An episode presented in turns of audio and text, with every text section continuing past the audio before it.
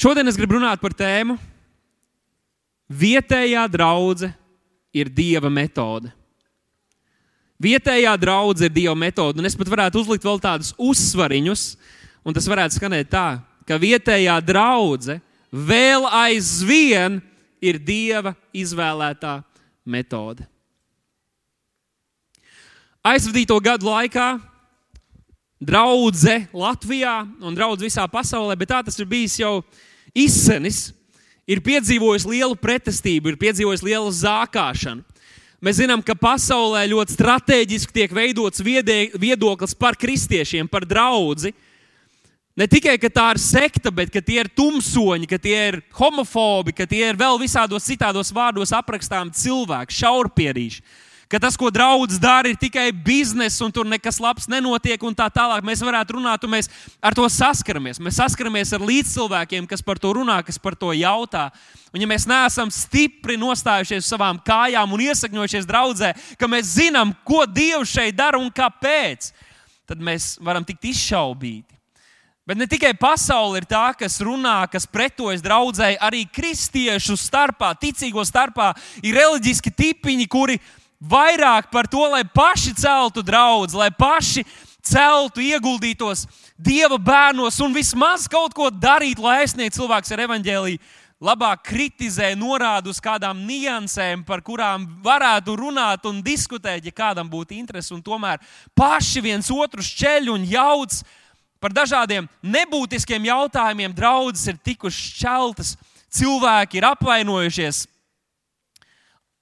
aizgājuši, sarūktinājušies, aizgājuši no dieva, no drauga, sākuši klaiņot no viena uz otru. Jo tu aizēji uz kādu citu draugu, un tur taču arī kāds pateiks kaut ko, kam tu nepiekrīti, ko tu negribi, lai tev saka, un tu turpini savu ceļu. Bet šis ir arī gada otrais dievkalpojums, un šo gadu iesākot, man liekas, ka ir svarīgi mums saprast, nu, kas tad ir draudzene un kāpēc draudzene vispār ir. Ko mēs īsti šeit darām, nu, kāpēc mēs sanākam, ko mums ir jādara kas ir draudzene. Vai, vai, vai tas ir kaut kāds projekts, kas mums jāturpina tam dēļ, ka tas ir vēsturiski tā bijis, jo mūsu vecāki, vecvecāki to ir darījuši, vai ir kāds stiprāks pamatojums, un tie no jums, kas esat dzīvi Dieva bērni, jūs jau to zinat, jūs tiksiet iedrošināti un stiprināti arī šodien, sekot Kristum vairāk un vairāk. Bet kāds varētu teikt, nu ko tu par to draugu runāsi? Draudzes saistās kādreiz cilvēkiem ar to, kas notiek uz platformas, vai to, kas notiek caur kādiem mācītājiem, kalpotājiem. Bet ļauj man te pateikt, ka, ja mēs runājam par draugu, es šodien runāšu par tevi. Tas ir vārds par tevi, tas ir vārds un aicinājums par to, kas tu esi un kas tev ir nepieciešams, kas tev ir jādara. Un, lai mēs par to runātu, es gribētu, lai mēs šodien apskatītu, tā dziļāk ieskatītos vienā pantā. Tas ir pirmais pāns vai raksturvieta jaunajā derībā, kurā tiek pieminēts šis brīnumainais vārds draudzene. Un es ticu, ka Dievs grib mums šajā rītā dot svaigu, jaunu mīlestību ne tikai uz Dievu, bet arī uz Viņa draugu un deksmi Dieva lietās. Un es aicinu, es lūdzu tevi, vai tu esi šeit klātienē, vai attālināti skaties, atver savu sirdi un skatīsimies, ko Dieva vārds runā uz mums šodien. Un šis pants, uz kuras gribētu šodien balstīt arī šo svētkrunu, ir atrodams kontekstā, kur Jēzus sarunājas ar saviem mācekļiem. Un vairums no jums jau ziniet, par ko es runāšu. Un tas nemaz mani nesatrauc. Jēzus runā ar saviem mācekļiem Tā bija daļa no tā, kas māceklība ir. Viņi nebija attālināti vienkārši vēstulēm, nesarakstījās, viņiem bija attiecības. Tātad, ja tu gribi būt Jēzus māceklis, tev jābūt attiecībām ar kādiem, kas arī ir mācekļi, ar kādiem, kas var tev mācīt. Un Jēzus runā ar saviem mācekļiem, un viņš viņiem uzdod tādu interesantu jautājumu, nu, ko, ko cilvēki saka, kas tas cilvēka dēls ir. Un mācekļi sākumā sāka atbildēt kaut ko, un varbūt viņi tikai vēlāk saprata, ka Jēzus runā par sevi trešajā uh, personā. Un mācekļi tagad viņiem atbild, jā, nu citi saka, ka ka, ka, ka Jānis Kristītājs, jo varbūt tāpēc, ka liela ļaužu pulka sāka kustēties un bija tāda kustība, kas notika sabiedrībā, tur, kur Jēzus bija. Jānim Kristītājam bija līdzīga, līdzīga ietekme. Tur viss tas reģions atgriezās, nožēloja savus grēkus. Kāds cits teica, nu, varbūt Ēlija vai Jeremija vai kāds cits pravietis, jo notika brīnumi arī ar, pravie, ar, ar, ar Ēliju, ar pravietu Ēliju notika brīnumi. Un, un, un, un, un Jeremija, viņš arī Jēzus runāja pravietis lietas cilvēku dzīvēs, un viņi uzreiz saprata, ka viņš ir kāds, kurš pazīst Dievu, jo viņš runāja lietas, kuras cilvēkam nebija zināmas. Un tad Jēzus viņiem paprasta to interesantu jautājumu. Viņš prasa, ko jūs sakat, kas es esmu? Ne?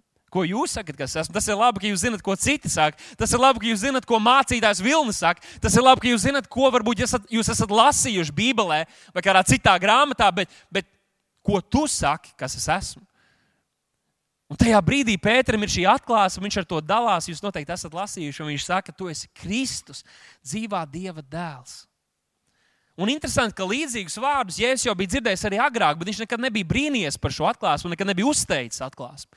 Piemēram, Jāņa Evangelija pirmajā nodaļā tur ir māceklis Natanēls, kurš grib sākt sekot Jēzum, un viņa brālis Filips man šķiet atveda viņu pie Jēzus, un Jēzus pasaka kaut ko par viņu, un šis Natanēls saka, tu esi, tu esi Uh, tu, esi, tu esi Dieva dēls, rabi, tu esi Dieva dēls. Tad bija it kā līdzīgi vārdi, bet Jēzus saka viņam, Tu to saki tikai tāpēc, ka es tev pateicu lietas, kuras tu, tu, tu zināji, ka es nevaru zināt. Bet šeit Pēters tādā it kā ikdienišķā sarunas formātā, Sīmans Pēters, viņš pasaka, tu esi Kristus, tu esi Mesija, tas, tu esi tas, ko mēs gaidām. Un Jēzus skatās viņu un saka, Klau, Sīman Pēter, svētīgs tu esi, tu esi svētīts, jo tev ir šī atklāsme par to, kas es esmu, kas Jēzus ir. Viņš saka, jo Tā, tā nebija miesa vai asins, tas nebija kaut kas, ko tu kaut kur dzirdēji, bet tev ir bijis dievišķs pieskāriens. Pats Dievs tev ir pieskāries, pats Dievs tev atklāja šo, šo, šo lietu. Un tad es gribētu, ja mēs apskatām šo raksturvietu, par kuras arī gribu runāt, Mateja Evangelijas 16. nodaļa, 18. pāns. Tagad Jēzus pēc šīs atklāsmes, Jēzus saka Pēterim un mācekļiem tur viņiem līdzās. Viņš saka, un lasīsim kopā, viņš saka, un es tev saku, Tu esi Pēteris, un uz šīs klints es gribu celt savu draugu. Un elles vārtiem to nebūs uzvarēt. Wow, izlasīsim vēlreiz. Un es tev saku, tu esi Pēteris, un uz šīs klints es gribu celt savu draugu, un elles vārtiem to nebūs uzvarēt. Interesanti, ka pašā pirmajā reizē, vēl pirms Jēzus aicināja Pēteri par savu mācekli, kad Sīmans tika viņa brāļa pievests Jēzum. Jēzus viņu skatījās un uzreiz teica, Klau, tu esi Kēfa, tu esi Klīns, tu esi Petros. Viņš izmainīja viņa identitāti, viņš pieskārās viņa dzīvē pavisam radikālā veidā, un vēlāk viņš sekoja viņu. Iespējams, ka tu šodien skaties, un tu zini, ka Dievs tev ir pieskāries, bet tu vēl neesi saņēmis personīgi aicinājumu sekot viņam. Tad zini, ka, ja tu turpināsi viņam sekot, tu turpināsi meklēt šo patiesību, arī ar to piedzīvojumu, kas tev ir, tad tu zini, kāds pienāks brīdis tavā dzīvē, kad tu zinās, ka tu zinās, ka tu zinās, ka Jēzus aicina tevi sekot viņam, un viņš tevi cels un vadīs. Bet šie vārdi ir kādi, kas vēsturiski ir uzskatījuši, ka, ka, ka Jēzus teica to Pēterim. Viņš teica, Pēteri, tu esi Pēteris, un uz, uz tevis es gribu celt savu draugu uz, uz, uz, uz, uz tevis, paskaties, kā tev ir atklāsme. Tu būsi tas pamats, uz kā es saucu savu draugu. Bet ziniet, cik daudz jūs zināt, kad tas Pēters nomira? Vai ne? Un kas notika ar tiem pamatiem, ja viņš bija pamats?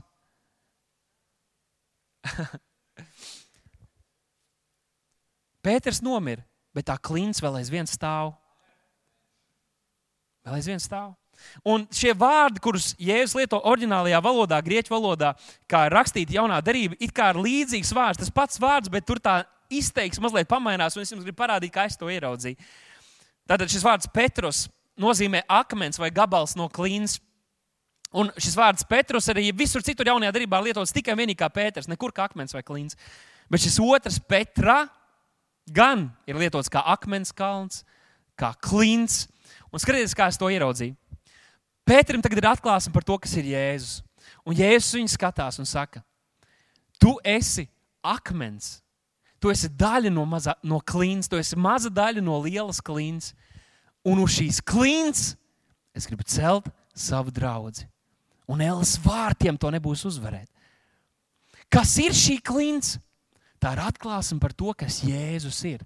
Un ļauj man to pateikt šodien, ka tas ir pats Jēzus Kristus. Pāvils Korintiešu vēstulē, 3. nodaļā, viņš teica, jo citu pamatu neviens nevar likt kā to, kas jau ir likts, proti, Jēzus Kristus.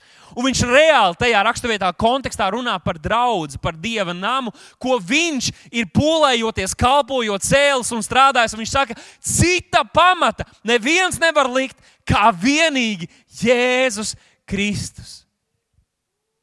Un vēsturiski mēs redzam, ka cauri šiem gadu simtiem un tūkstošiem dažādas valdības, varas un spēki, reliģijas, filozofijas ir centušās apstādināt draugu, ir centušās iznīcināt draugu, bet Kristus draudzē vēl aizvien stāv arī 2023. gadā, un neviens to nespēs un nav spējis iznīcināt. Kāpēc?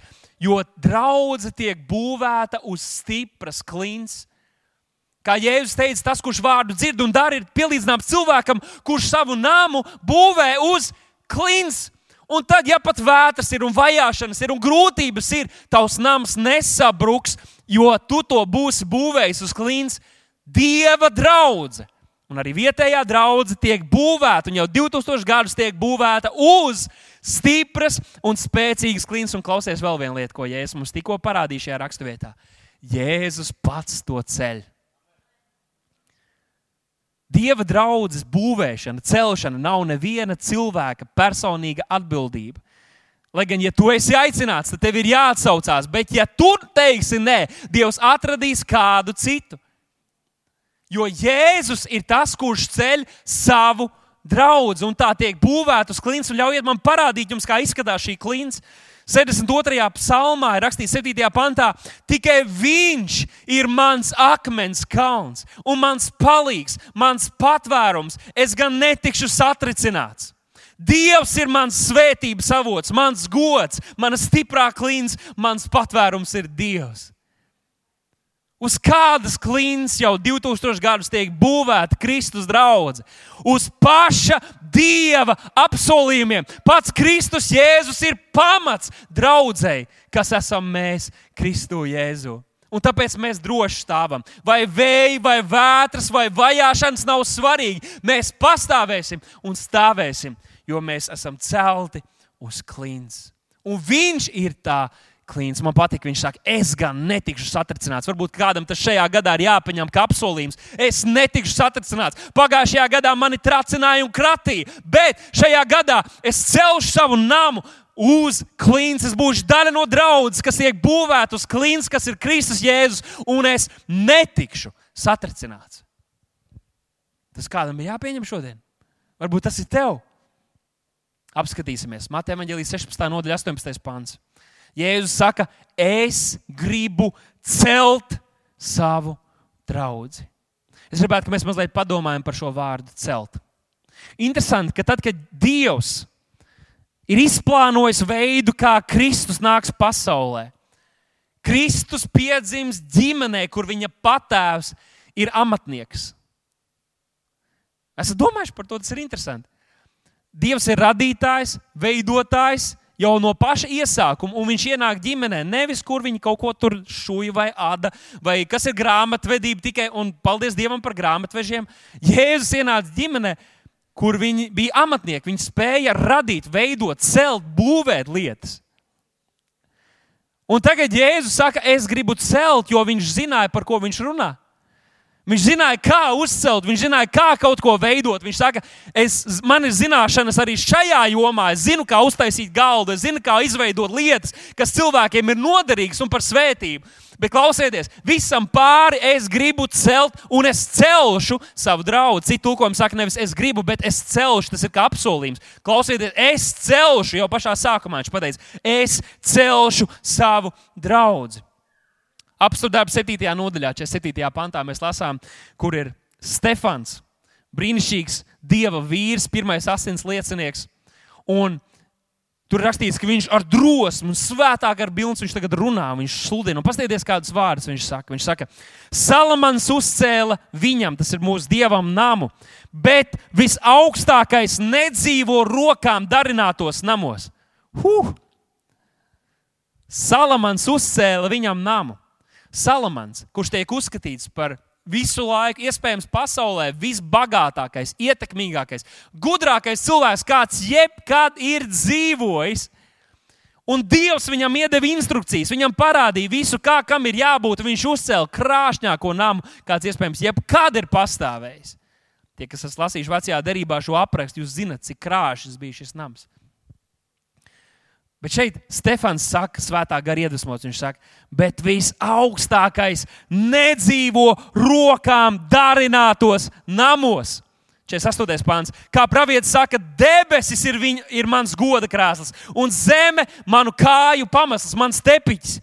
Kādu namu jūs man uztaisīsiet, saka tas kungs? Vai kur ir mana dusmas vieta?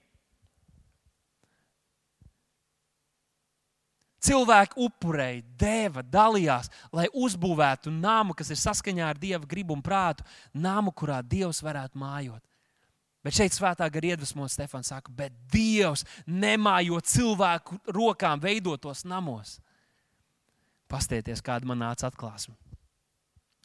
Mēs varam uzbūvēt namu, bet tas jebkurā gadījumā, lai kā mēs ziedotos, tas nebūs pietiekami labs, lai Dievs tajā varētu mājot. Tas ir paklājis Dievu kāju priekšā. Bet, lai Dievs varētu mājot šeit virs zemes, savas tautas vidū, pats Dievs nāca šeit, lai uzceltu šo namu, kurā Dievs var mājot. Tie esam mēs, tas esmu es un tu.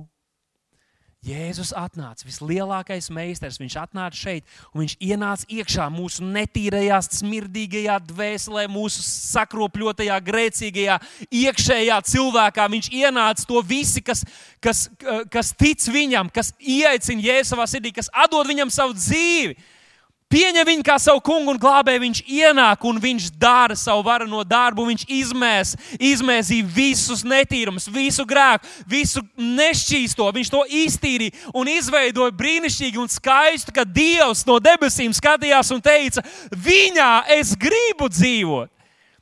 Viņā es gribu nākt un ņemt mājas vietu un kopt sadraudzību ar tevi, kas tu skaties spogulī un saki un saproti un redzi, kas es tāds esmu, lai Dievs mani ieraudzītu, lai Viņš vispār domātu par mani. Bet Jēzus ir izdarījis brīnumu, vienu no lielākajiem brīnumiem pasaulē, kas ir iespējams. Viņš tevī ir sagatavojis, izveidojis trauku, kurā Dievs saka, tur ir nams, kurā es gribu dzīvot. Lai kā mēs censtos, mēs nevarējām to. Bet Jēzus atnāca un viņš to izdarīja. Tāpēc Dievs var būt klātesošs. Viņam nav jābūt uz brīdi pār mums un pēc tam jāatstāj. Tāpēc Jēzus teica, es būšu ar jums līdz pasaules galam. Jo nav nekas, ko mēs paši varam darīt, kas esam piedzimuši no augšas, lai mēs sabojātu to, ko Jēzus ir izdarījis. Jēzus ir uzcēlis, izveidojis mūs, lai Kristus un viņa klātbūtne un Dievs varētu mājot mūsos. Dievs pats ceļ savu draugu, un Viņš ceļ arī tevi. Pasakāram savu blakus sēdošiem, Viņš ceļ arī tevi. Pāvils rakstīja vēstulē Efeziešiem 4. nodaļā. Viņš saka, no jūsu mutes, lai nenāk neviens nekrietnes vārds, bet tikai krietnas runas, kas draudz ceļu un nes svētību klausītājiem. Un par šo, šo domu mēs saskaramies vairāk kārt jaunajā darbā. Es ceru, ka esat pamanījuši ka Bībele nekur nesaka, ka mēs varam graud draugu. Jo, ja tu grauj draugu, tu esi antikristīgs. Tu iestājies pret Kristu, tu sacēlies pret Kristu, tu pretojies Kristum. Viņš saka, pat ar saviem vārdiem, nē, es tas, kurš grauj draugu. Lai viss notiek par svētību, celtu arī draugu. Kāpēc tev ir jāceļ draugs? Jo Jēzus ceļ savu draugu. Ja tu nevari celt draugu, tad labāk klusē un pastāv maliņā. Bet, ja tu esi draudzē vai tu runā par draugu, tad pārliecinies, ka tas, ko tu dari, ir tu cel draugu. Mēs esam aicināti celt draugu. Kāpēc? Jo Jēzus ceļ draugu un mēs esam viņa miesa. Mēs esam viņa rokas un kājas šeit virs zemes. Mēs kādreiz tā dziedam, nu tad mums ir jādara tas, ko Jēzus dara.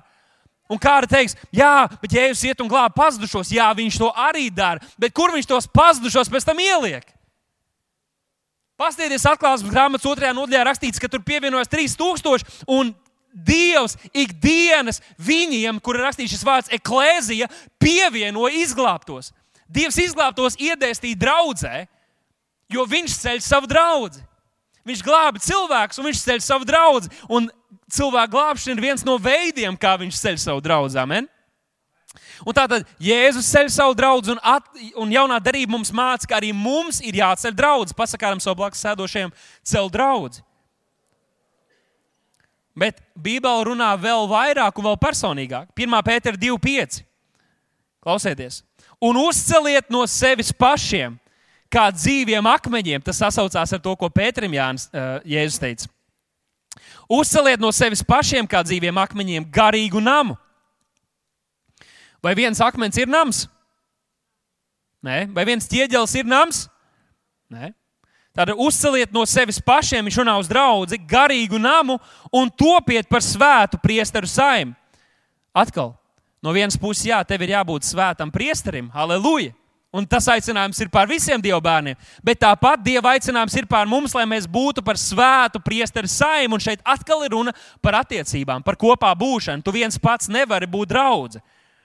Un viņš saka, nesot garīgus upurus, kas Dievam ir patīkams caur Jēzu Kristu. Efeziešu vēstules otrajā nodaļā Pāvils turpina. Viņš saka, viņā, tas ir Kristu Jēzu, visa celtne, tā ir draudzene, kopā salaista aug par svētu templi tam kungam. Un viņā arī jūs līdzi tiekat uzcelt par Dieva mājokli garā. Huh! Lūk, kopsavilkums. Jēzus saka, es ceļu savu draugu. Bībele saka, mums ir jāceļ draugi. Tad Pēters saka, esi tu kā tāds akmentiņš un ieņem savu vietu šajā dieva namā, dieva draudzē, ko Kristus ceļ. Esi tu daļa no šīs draudzes. Un tagad Pāvils saka Efeziešu vēstulē, ka tad, kad Dievs ceļ savu draugu, un tu esi kā mazs akmentiņš daļa no draudzes, tad tu līdzi tiec uzcelts. Parādiet man raksturvietas, kas attai, attai, attaisno cilvēkus un kristiešus, kuriem saka, draudzene mums nav vajadzīga. Draudzība vairs nav dieva metode, draudzība vairs nav tas, kā Dievs dara lietu šajā pasaulē. Bībele runā tam pretī. Un neļausimies arī mums, lai mēs tiekam pievilti. Tālāk Jēzus saka šos vārdus, es gribu celt, bet tad viņš saka savu draugu, un šis man ļoti iepatikās. Vārds savu ir grieķu valodas vārds ego. Ego! Kristieši par ego runā, ka tas ir slikti. Mēs nedomājam, ka labi ir teikt ego, ka vispār mums nevajadzētu būt ego, jo mūsu ego ir Kristus. Bet Bībele saka, ka Jēzus, es gribu celt savu draugu. Viņš saka, tā ir mana draudzene. Tas ir mans ego. Es to esmu savienojis ar sevi, ar to, kas es esmu. Tu nepiekrīti. Tu saki, es izrauju lietas no konteksta. Nu, tad paskaties, kā Bībele runā par draugu. Kristus un līgava. Es ar savu sievu mēs esam viens, lai gan mēs esam ļoti atšķirīgi, bet mēs esam viens un pamēģinām man pierādīt pretējo. Bībeli saka, mēs esam Kristus miesa, mēs esam dažādi locekļi, bet savstarpēji savienot. Pasaki, ka tas, ko es saku, ka Dievs, Jēzus saka, ego, mana draudzene, tas ir mans ego, tā ir mana draudzene, tu neaiztiec manu draugu. Pasaki, ka tas nav bibliski. Un, zini, no vienas puses mēs teiktu, jā, tur tu aizstāv draugu. Hei, es aizstāvu tevi! Bībele aizstāv tevi, tu esi viņa ego. Šito nevar griezt ārā. Zinu, ka būs daudz, kas piedalīsies pie tā. Savu ego draugu. Un draudzene ir valodas vārds eklāzija, eklēzija. Un tam ir divas nozīmes. Jūs noteikti to esat dzirdējuši, vienkārši atgādināt. Pirmais ir ārā izsauktie, izsaukti ārā, un otrs ir sapulces sanāksme ārā izsaukti, to mēs varam darīt pa vienam, bet tad otra nozīme ir kopā būšana, sanāksme, sapulcēšanās, ka mēs esam, ka mēs esam kopā. Tas man atgādināja filmu Matrix. Īpaši pirmo daļu es atceros bērnībā, kad es to skatījos. Man liekas, nu nevar būt kristīgāka filma par to, Jo tiešām tas pilnībā parāda to, kas mēs esam. Mēs cīnāmies pret šīs pasaules sistēmām, garīgiem spēkiem, un mēs esam atmodušies. Mēs esam, mums ir iedota šī sarkanā tableta, un mēs esam sapratuši, wow, kas patiesībā ir kas, kas ir labs, kas ir ļauns, kas ir patiesība, kas ir meli. Un mēs esam izrauti no sistēmas, atvienot no tās, lai gan vēl aizvien dzīvojam tajā, bet neesam daļa no tās. Un tad mēs staigājam apkārt un mēs cīnāmies pret sistēmu. Mēs cīnāmies pret mašīnām. Amen. Es nezinu, kur ir Matrix fani, es sen neesmu redzējis, bet man liekas, šajā nedēļā mums ir jānoskatās. Varbūt visi kopā tiekamies ceturtdien, noskatīsimies lieliem ekrāniem. Varbūt tad beidzot visi tie, kas attālināti skatās, būtu uz vietas. Un mēs ejam un mēs cenšamies citus atmodināt un citiem pateikt, klau, jūs esat pievilti, jūs esat mašīnas vergi. Mostieties augšā, pieņemiet šo sarkano tabletīti, kas arī jums var dāvāt dzīvību. Tā ir ticība uz Jēzu Kristu. Es nezinu, man jānoskatās tā filma, varbūt es kaut ko sajaucu. Draudzes definīcija. Draudze ir to cilvēku sanāksme, kuri atsakoties, atsaucoties Kristus evaņģēlijam, ir nošķīrušies no pasaules. Vēlreiz, draudzene ir to cilvēku sanāksme, kuri atsaucoties Kristus evaņģēlijam, ir nošķīrušies no pasaules. Efeziešu vēstulē Pāvils runā par draugu. Bībelē ļoti daudz runā par to, kas draudz ir, kas draudz nav un kādai draudzēji jābūt. Ir, ir bibliski nosacījumi, kas kaut ko padara par draugu un kas kaut ko padara par nedraudzi. un tur Efesiešu vēstules 4. nodaļā Pāvils saka, ka draudzēji Dievs ir dāvinājis dāvanas, kuras mēs saucam par kalpošanas dāvanām. Mācītājs, evaņģēlis, apustulis un tā tālāk, lai svēto sagatavotu kalpošanas darbam. Bet tad 16. pantā viņš turpina sakot, un viņā, tas ir Kristu Jēzu, visa miesa kopā ir saturēta un ar visādām palīdzētēm vienota, un tā pastāvīgi aug pēc tām spējām, kas katrai viņas daļai dotas, kļūdam aizvien pilnīgāk mīlestībā. Atkal, kā tu vari lasīt Bībeli un neredzēt, ka draudz ir attiecības? Ja tu it kā esi draudzē prieka vēsts, bet tev nav attiecības šeit, tu visdrīzāk neesi draudzē. Tā ir patiesība. Tā ir pat, vismaz kaut kur kalpo, vismaz kādu pazīst, ir kāds, ar ko tu vari dalīties, ar kopā lūgt. Un viņš runā par šīm lietām, un no vienas puses mēs varam teikt, jā, draugi, katra, tā, katra tās daļa ir arī mūsu iekšējā kontekstā. Mums ir dažādas kalpošanas, mums ir dažādas dāvanas, ko Dievs ir izdalījis pa visu draugu. Un jā, mēs atšķiramies, un mēs viens otram nesam svētību, varam palīdzēt, varam kalpot, un mums to ir jādara. Bet es ticu, ka tādā pat veidā šī raksturvieta runā arī par plašāku skatījumu. Arī Latvijā, pasaulē ir dažādas draudzes. Un, lai gan mēs visi kopā veidojam vienu šo Kristus līgavu, vispasaules draugu, katrai draudzēji arī ir savs uzdevums. Katrai draudzēji ir savs marža, katrai draudzēji ir savs, uh, savs aicinājums, kas mums ir jāizdara, savas dāvanas, talanti, ko Dievs mums ir devis, kas izpaužas dažādos veidos. Nu, Paskatieties, mēs draugi, mēs šeit sanākam katru nedēļu un pat biežāk un mēs kopā esam viena draudzene. Bet katrs no mums arī esam daļa no kādas ģimenes. Katrs esam daļa no, no kaut kādas savas draugu grupas, ar kuriem mūs vieno kaut kas vairāk kopā. Mēs esam atšķirīgi, un tomēr kopā mēs sanākam un esam viena draudzene. Un tāpat arī katrai draudzēji mums ir kaut kas, ko Dievs mums ir aicinājis. Mums ir savi, eh, sa, savi mācītāji, apustulisks kalp, kalpotāji, eh, dažādas dāvanas, kas, ko Dievs mums ir devis, lai mūs sagatavotu tai kalpošanai, ko Dievs mums ir devis.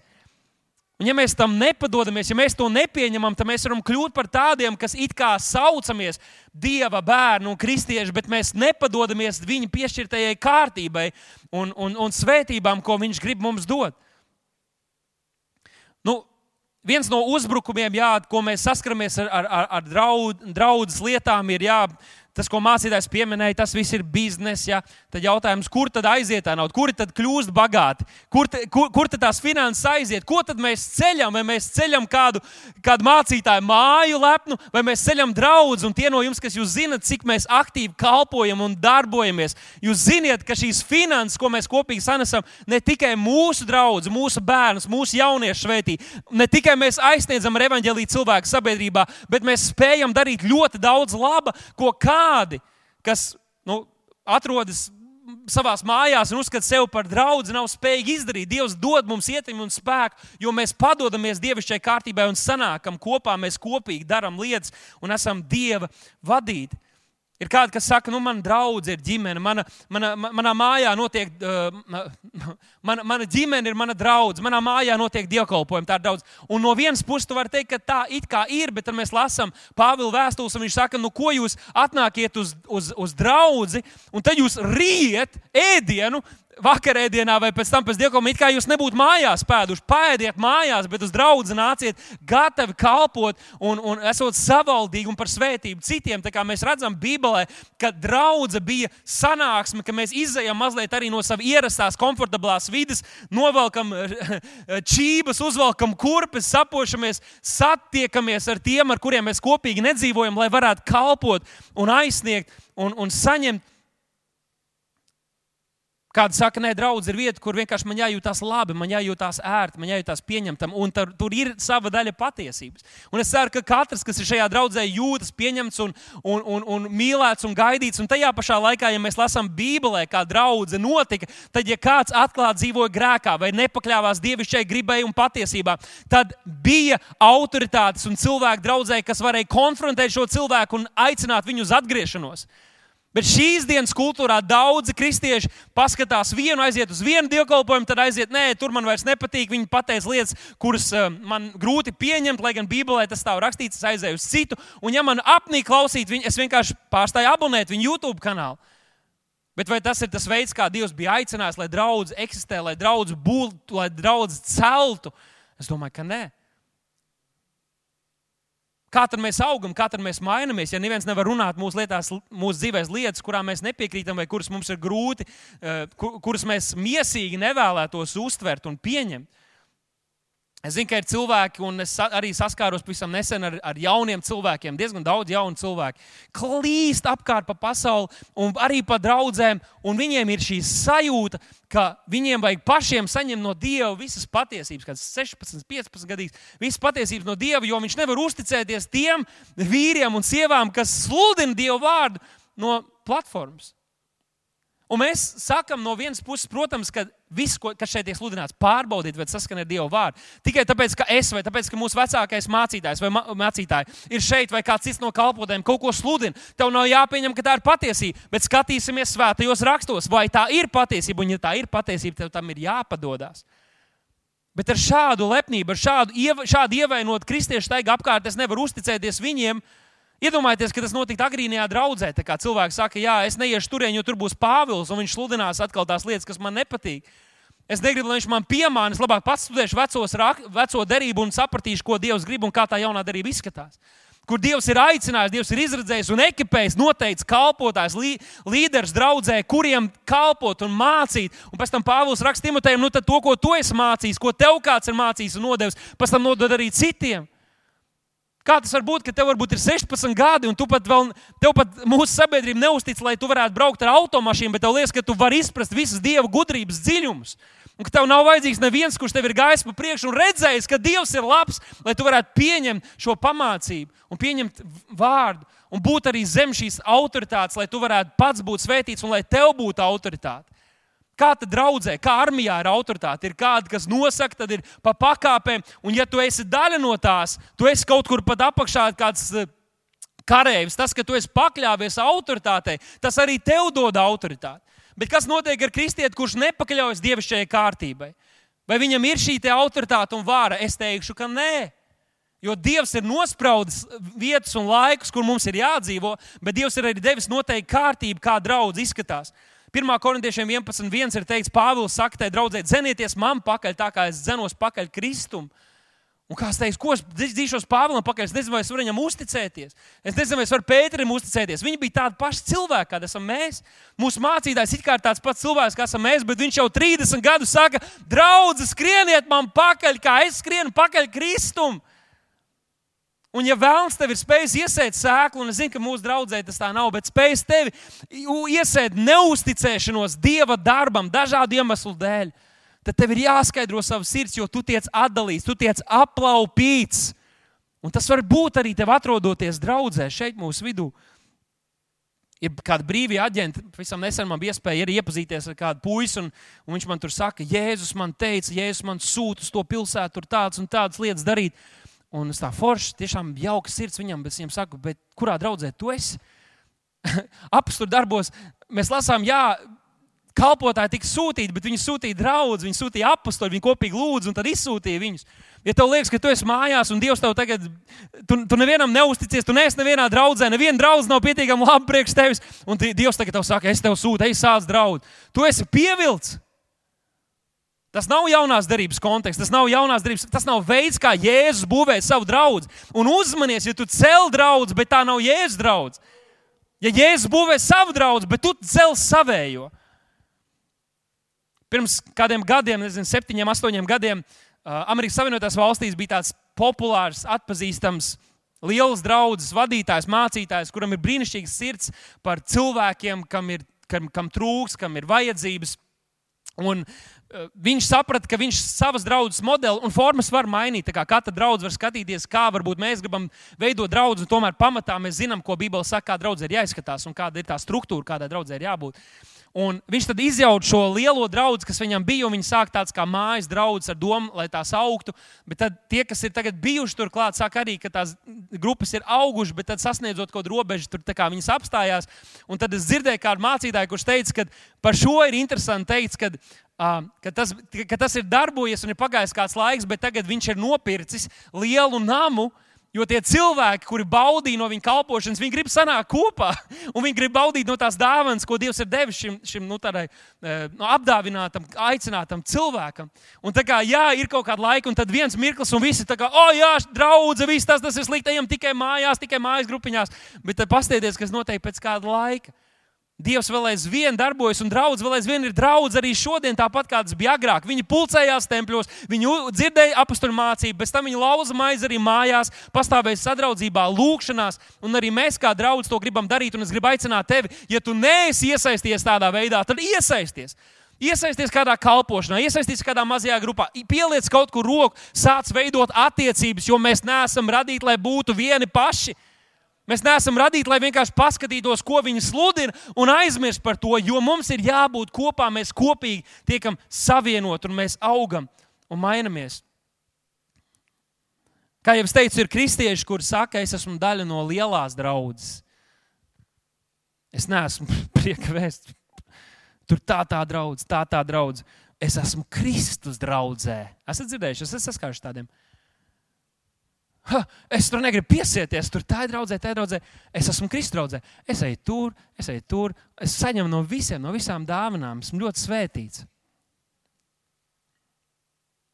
Vai tas ir bibliski? Tas ir labi, un jā, kaut kāda vienotība, un tie, kas mēs ticam Kristum, mēs esam vienoti misijā, tās draudzes ir vienotas. Varat teikt, ko gribat, bet Latvijā draudzes ir vienotas. Ja, mēs, ja, mēs, ja, ja mums nav jāiziet uz kompromisu ar to, kas ir Dieva vārda patiesība un kas draudzes ir, mēs varam kopā visādas lietas darīt, mēs varam lūgt kopā. Mūsu mācītāji pa laikam organizē tikšanās ar citiem mācītājiem, mēs lūdzam, mēs kalpojam tā tālāk. Bet vai kristietis var būt daļa no lielās draudzes, bet nebūtu iesakņojies nevienā draudzē pavisam personīgi? Nu, man liekas, ka es jau iepriekš to pierādīju Bet vienu domu es gribēju jums atstāt.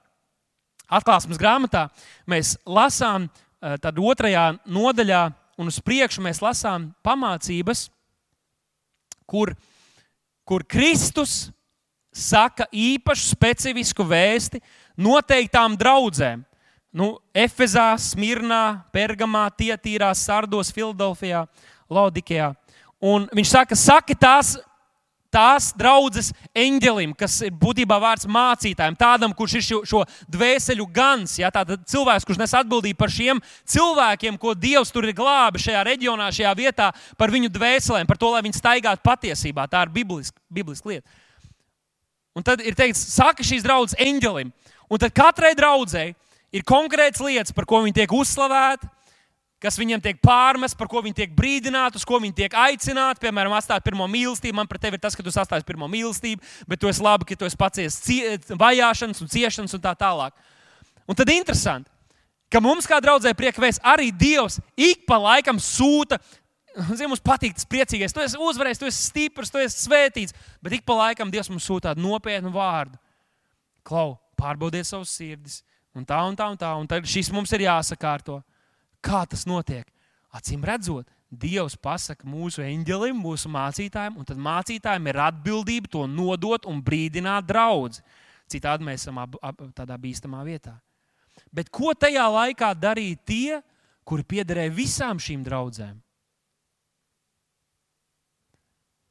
Jā, jā, jā, es zinu, ka draudz, tā draudzene ir atstājusi pirmo mīlestību, bet es jau tikai esmu uz rīta dievkalpojumiem, un es rītīgi degu. Es zinu, ka tie ir atstājuši novārtā došanu, bet es, es gan neesmu tāds kā viņi. Es neesmu ar viņiem. Tu uzslavē viņus, oh, jā, es arī esmu tāds, bet es neesmu tāds vispārējās sliktās lietas, ko viņi dara, jo es to paklausos tikai reizi mēnesī. Jūs iedomājaties, cik tas ir dīvaini izklausās. Es dzirdēju kādu mācītāju, kurš teica, ka tie kristieši, kuri pieder pie, tikai pie vispasaules draudzes, iespējams, ka nemaz nav daļa no draudzes. Es to neteicu. Ja tu neesi iesakņojies kādā lokālā draudzē, tev viss ir pa sliktu. Mācītājs nav pietiekami labs, draugs nav pietiekami labs, slavēšana nav pietiekami labs, tur kaut kas nav pietiekami labi. Vai varbūt problēma nav draudzē? Varbūt problēma ir meklējuma kaut kur citur. Un šo, šo pantu, šo pantu Jēzus noslēdz ar šiem vārdiem: Es gribu celt savu draugu, es celšu savu draugu. Tad viņš teica, un elles vārtiem to nebūs uzvarēt. Un ir, šī ir vieta, kur es gribētu noslēgt šo, šo, šo svētdienu. Un elles vārtiem to nebūs uzvarēt. Un kādreiz mums, kā kristiešiem, rodas sajūta, bibliskā kontekstā, ka tas, ko šeit Jēzus teica, bija, ka tad, kad visi šie ļaunie spēki un ļaunie gari un demoniskie spēki lauzīsies mūsu virsū, mēs varēsim pastāvēt. Un Dievs dara mūs stiprus, un mēs pastāvēsim. Bet pievērsiet uzmanību, kas tur ir teikts. Elles vārtiem. Elles vārtiem. Mūsdienās par pilsētu un valstu drošību negādās sētas un vārti, lai gan kādās valstīs pēdējos gados tika būvētas arī sienas vai tādas kā mūri, lai kāda ļaunprātīga cilvēka nevarētu ieiet viņu valstī. Un es domāju, ka tas ir labi un pareizi. Arī tādā veidā aizsargāt savu zemi. Bet agrākos laikos pilsēta, kurā, kurā dzīvoja cilvēki, tai apkārt bija mūris. Un mūrim ir grūti cauri izlaisties. Nezinu, vai es kādreiz mēģināju izskriet cauri sienai, Un varbūt mūsdienu kādos lētākos projektos, dzīvojot projektos, var izskriet cauri divām, trim sienām, bet agrāk vismaz bija tā, ka, ka ja tu skrien un tu esi apņēmības pilns, un tu skrien, tad, to, pff, un tad tu tā slīd lejā un domā par savas dzīves izvēlēm. Bet tā, tā vājākā vieta visā tajā drošības sistēmā bija tieši durvis un vārti. Tāpēc, tad, kad policisti, piemēram, iet, lai apcietinātu kādu, tad viņi nesit sienā caurumus, viņi spēr vaļā durvis. Jo durvis ir pieradušas, ka viņas virina. Pat ja viņas ir aizslēgtas. Tāpēc Simpsona laikā, kad viņš izrāva tos vārtus ārā, tas bija pārdabisks, tas bija kaut kas šokējošs, jo vārti tika veidot, lai nevienu neielaistu iekšā, bet viņš tos vārtus aiznes prom. Tas mums varbūt parāda to, ko Jēzus ir izdarījis. Viņš uznes to uz kalnā. Un tie skatās, re, kur mūsu drošības vārti iet augšā. es vairs nejūtos tik droši. Un tur jau karēji stāv. Elles vārtiem to nebūs uzvarēt. Ziniet, kāpēc šie vārdi kaut ko nozīmē mums šodien? Tāpēc, ka tad, kad Jēzus atstāja savus mācekļus, viņš viņiem teica: ejiet un dariet. Mēs tikām izsūtīti. Un vēl aizvien šodien Jēzus ceļ savu draugu, un viņš vēl aizvien šodien saka, ejiet un dariet. Jēzus staigāja apkārt, darīdams labu, bet viņš iznīcināja vēlna darbus. Un vēlns ir uztaisījis cietokšņus mūsu sabiedrībā, mūsu ģimenēs, tajās vietās, kur Dievs mūs ir sūtījis, mūsu darba vietās, kaut kādās nozarēs, kur mēs esam. Tur ir cietokšņi, demoniski, vēlna cietokšņi. Bet to vārdu nespēs uzvarēt Dieva draugu. Halleluja! Un tāpēc mēs nestāvam šeit, lai aizsargātu tikai to, kas mums ir dots, lai gan mēs aizstāvam to, ko Kristus mums ir dāvājis. Mums jau ir uzvara par mums pašiem, bet sabiedrībā mūsu misija ir iet un šos vārtus sist vaļā. Iet un atbrīvot, iet un atlaust, iet un izlaupīt elli. Un tas ir tas, ko Jēzus izdarīja. Kad Jēzus teica, viss piepildīts, un tad viņš deva savu garu, un tad viņš devās tur uz pekli. Un viņš sludināja tur evaņģēliju, un bija daudz pēc tam, kas parādījās, kas tika atbrīvot, kas, tika, kas iemantoja mūžīgo dzīvību. Un tad romiešu vēstulē Pāvils saka, ka Elle nevarēja noturēt viņu, ka viņš ir guvis uzvaru, ka viņš ir triumfējis pār Elle un nāvi. Un tad Jēzus atnāca un viņš teica, tagad es celšu savu draugu Un ēlas vārti arī jums nevarēs stāvēt pretī. Un tāpēc mūsu misija nav izdzīvot svētiem, veseliem un brīnišķīgiem līdz tai dienai, bet mūsu uzdevums ir izdauzīt visus ēlas vārdus, ko mēs pa ceļu satiekam, un izlaupīt visas ēlas krātuves, ko mēs varam pa ceļam satikt svētā gara spēkā. Tas ir mūsu uzdevums. Un lūk, kāpēc mums ir vajadzīga draudzība. Jo Jēzus to ceļ, mums tā ir jāceļ. Un kad mēs esam daļa, kā akmentiņš, daļa no Dieva draudzes, ko Jēzus ceļ, un mēs paši to ceļam, tad mēs līdzi tiekam uzcelti. Un šajā pasaulē mēs dzīvojam ar misiju. Dievs neaicināja mūs būt sēdētājiem, skatīties, ko mācītājs ir atkal uzzinājis, izlasījis, ko es arī to zināju. O, šito es jau arī zināju pirms nedēļas, bet ko tu ar to darīji? Mēs esam aicināti dzīvot šo jaunās darbības dzīvi, un es šodien izaicinu tevi un aicinu tevi.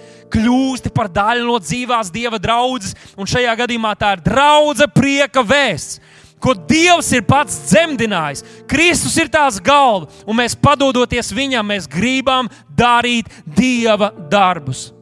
Un es aicinu tevi, nepaliec malā. Dod roku! Savienosimies, kļūsim par vienu namu, par vienu templi, kur tas kungs var mājot un ko Dievs var lietot šajā laikā. Iesaisties, spēr soli tuvāk, atsaucies aicinājumam. Dievs tevi aicina! Kamēr tu dzirdi, ka Dieva balss uz tevi runā, neapcietini savu sirdi. Un šai gada sākumā es gribu teikt, neapcietini savu sirdi, aizmirst par meliem, maldiem, lietām, ko esam dzirdējuši pasaulē, kas notiek. Tas, ka pasaulē kādi kristieši un arī mācītāji ir alkatīgi, un tas, ka viņi krīt grēkā, nenozīmē, ka te notiek tas pats. Mēs no visas sirds, kā kalpotāji, tie, ko, kas ir līderi šajā draudzē, mēs dzīvojam tā, lai mēs varētu teikt, cik no no savas sirds mēs varam sekojiet mums, kā mēs sekojam Kristum. Neļauj, ka tu tiec pievilcis, ka tu tiec atrauts, bet tieši otrādi saka, es gribu būt daļa no tās. Mums mazajās grupās ir daudz vietas, nepaliec viens. Ir daudz kalpošanas, kur tu vari iesaistīties, lai tu tiktu uzcelts un būtu sagatavots kalpošanas darbam, kas tev ir jādara.